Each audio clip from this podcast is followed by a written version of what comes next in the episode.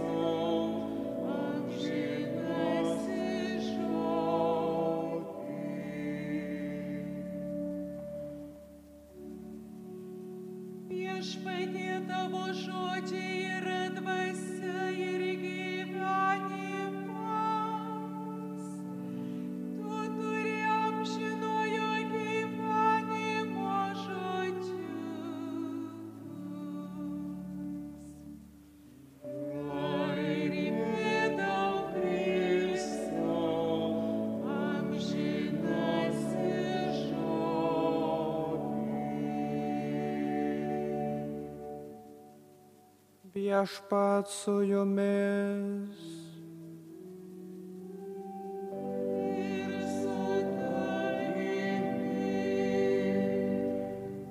Iš Šventojios Evangelijos pagal Luką.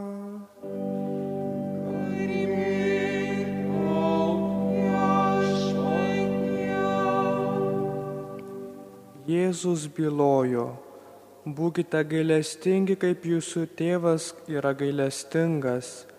Neteiskite ir nebūsite teisiami, nesmerkite ir nebūsite pasmerkti, atleiskite ir jums bus atleista, duokite ir jums bus duota, saika gera, prikimšta, sukratyta ir sukaupoti duos jums į glėbį kokiu saiku jūs seikite, tokiu jums bus atseikėta.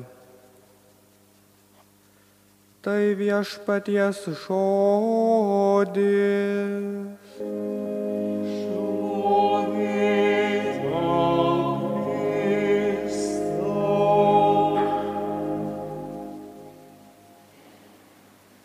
Jėzus šiandieną mokydamas savo mokinius, jisai ištarė tokius žai- žodžius. Būkite gailestingi. Būkite tokie gailestingi, kaip mano tėvas, kad yra gailestingas. Ir jeigu mes klausomės viešpaties Jėzaus žodžių, tai turbūt visuomet galvojame, o kokia man nauda yra, jeigu aš būsiu gailestingas. Juk kiekvienas gali pasakyti, būk toksai kaip viešpats ir tu daug gero patirsi, bet galima pasakyti ir kitais žodžiais, kad tu būk turtingas. Bet jeigu mes galvojame, kad turtą susikrauname vi- vien tik tais tuo met, kai turime daug pinigų, daug gerybių įvairių, tai tuomet mes savo gyvenimą pašvenčiame tik vienam tikslui ir mes savo gyvenime eidami gatve ar tiesiog gyvendami savo šeimoje mes nebematome nieko kito. Kartai žmogus praeina ir jam sunku yra pasisveikinti su ryte gatvę šluojančia moterimi arba sutikus įlipus į autobusą autobuso vairuotoją, pasakyti jam labas rytas. Ne dėl to, kad žmogus nepažįsta ar yra užsisklendęs arba vienišas, bet dažnai, kad jisai gyvena savose mintise. Jeigu žvelgiame į Jėzaus gailestingumą, mes matome, kiek yra Jėzus padaręs daug darbų. Tokių, kurie yra gailestingi ir kada jisai neklausia ir neprašo jokio atlyginimo, jokio užmokesčio. Kiek kartų Evangelijose susidurėme su viešpaties darbais, kur jisai rodo gailestingumą. Pats svarbiausias tai jisai ištarimas ir pagydant žmogų, tie ištarti žodžiai, nuodėmės tau atleistos. Jis netgi, kada prie jo buvo atvesta moteris sugauta svetimaujant, Jis ir tuomet atleidžia. Jėzus pagydo tą žmogų, kuris bičiulių atneštas ir per minę negali prieiti. Jisai matydamas tvirtą tikėjimą to žmogaus ir jo draugų, sako, imk savo guolį ir neškis iš čia. Jis atsistoja, iškeliauja. Bet fariziejai pikti yra, nelaimingi. Kas tu toksai, kad tu gali tiesiog pasakyti, kad nuodėmės atleistos ir eik ir vaikščiok. Ir kaip tu gali gydyti šeštadienį, šabo dieną. Betgi tas, kuris ateina raupsuotas, nelaimingas, jisai su džiaugsmu pašokęs nubėga nuo viešpaties, jisai bėga į gyvenimą, bėga į džiaugsmą, jisai yra laimingas, nes jisai atsikratė savo negalios, jam raupsai pranyko, jisai eina, šlovina viešpatį ir visiems kelbė, Jėzus mane išgydė, Jėzus man suteikė naują gyvenimą.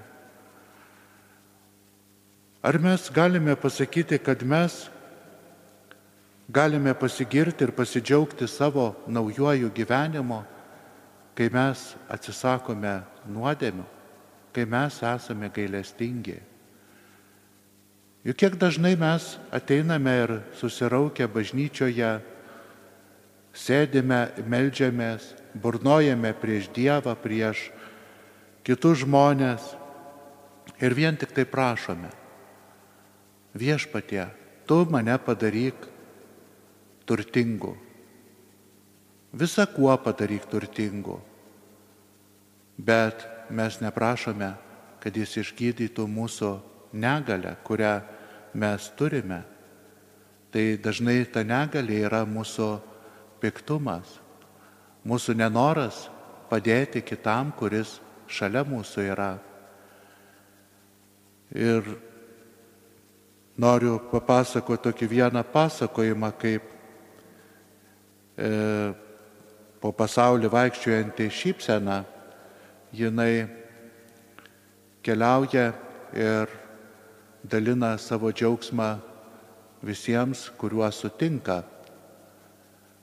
Ir jinai šiuo džiaugsmu besidalindama keliauja per šį pasaulį, džiaugdamasi, pasišvilpaudama ir niekuomet nenusimena, kad ir kas be nutiktų. Bet vieną dieną jinai užeina į tokį miestą, kuriame visi lik vieno pikti, visi nelaimingi, visi susirūpinę ir šypsena galvoja, o kodėl jie tokie nelaimingi? Jiegi be galo turtingi. Šitas miestas yra klestintis, bet jame nėra laimės. Ir jinai besišypsodama stovi prie e, pėsčiųjų perijos, prie šviesoforo, laukia žalio signalo. Ir tuomet susi, susikulė du automobiliai. Iš vieno išlipa piktas dėdė, kuris visas net pažaliavęs iš piktumo. Ir jisai galvoja, jinai galvoja, ką čia man padarius. Ir jinai šoka į jo lūpų kamputį ir jisai pradeda šypsotis. Pyktis viduje verda, bet veidėjo šypsena. Iš kito automobilio išsirita dama, kuri nelabai patenkinta, kad nukentėjo jos automobilis, nes tai yra jos turtas, kad jos nukentėjo šuniukas, kuris kartu važiavo ir patyrė, patyrė didžiulį stresą, jinai dar labiau pikta yra, kad jinai susibražė išlipdama savo brangius batelius nes juos už didžiulius pinigus pirko. Ir jinai ropščiasi iš savo automobilio ir kai pamato, kad kitas vairuotojas šypsosi, jinai negali kitaip, jinai ištaria, aš atsiprašau. Juk aš esu čia kalta. Aš šitoje situacijoje nepažiūrėjau, skubėjau, buvau supykusi. Ir jie labai gražiai išsiskiria. Tuomet šypsena įdama per miestą pamato didelę eilę prie pašto stovinčią. Vėl visi nelaimingi, bet jinai paštininko lūpas įdeda savo dalelę šypsenos ir kai jisai nusišypso, tuomet ir žmonės pradeda kalbėti, šnekučiuotis. Jie pamiršta, kad reikia skubėti, kad reikia bėgti. Ir šypsena aplanko daug. Daug žmonių aplanko policininkus, aplanko medikus, aplanko autobusų vairuotojus, jinai aplanko visus, kiek tik tai begali. Ir palikdama šitą miestą, jinai džiaugiasi, kad žmonių širdys gal nors kiek, nors trumpam jos atlieks, kad tie žmonės nebebus tokie pikti ir jie pagalvos, kad laimė yra ne vien tik tais vertinti tuos dalykus, kurie yra brangus materialiai. Ir šypsena išeidama iš šito miesto, nors ir pavargusi, nusikamavusi, bet jinai galvoja, kad tai tikrai bus prasminga. Ir mes turbūt turime tą patį galvoti ir tą patį sakyti, nes mūsų gyvenimas labai, labai trumpas šis žemiškas gyvenimas. Jeigu galvotume apie amžinai gyvenimą, tai kuris nesibaigia, mes randame atsakymą, kodėl, kodėl mums tai naudinga. Ir Jėzus tuoj pat po šitų savo žodžių, kad būkite gailestingi, jisai ištaria, kad visa, ką jūs darysite, jums grįšim teriopai. Duokite, duokite saiką pilną, prikištą, su, sumurdytą ir jums į glėbį gražins dangiškasis tėvas žymiai daugiau. Juk jeigu mes pasirinktum, reikėtų mums pasirinkti, ką mums, ką mums daryti ir kaip mums reikėtų elgtis. Ir ant ant lėkštutės būtų padėtos dvi slyvos, kurios viena būtų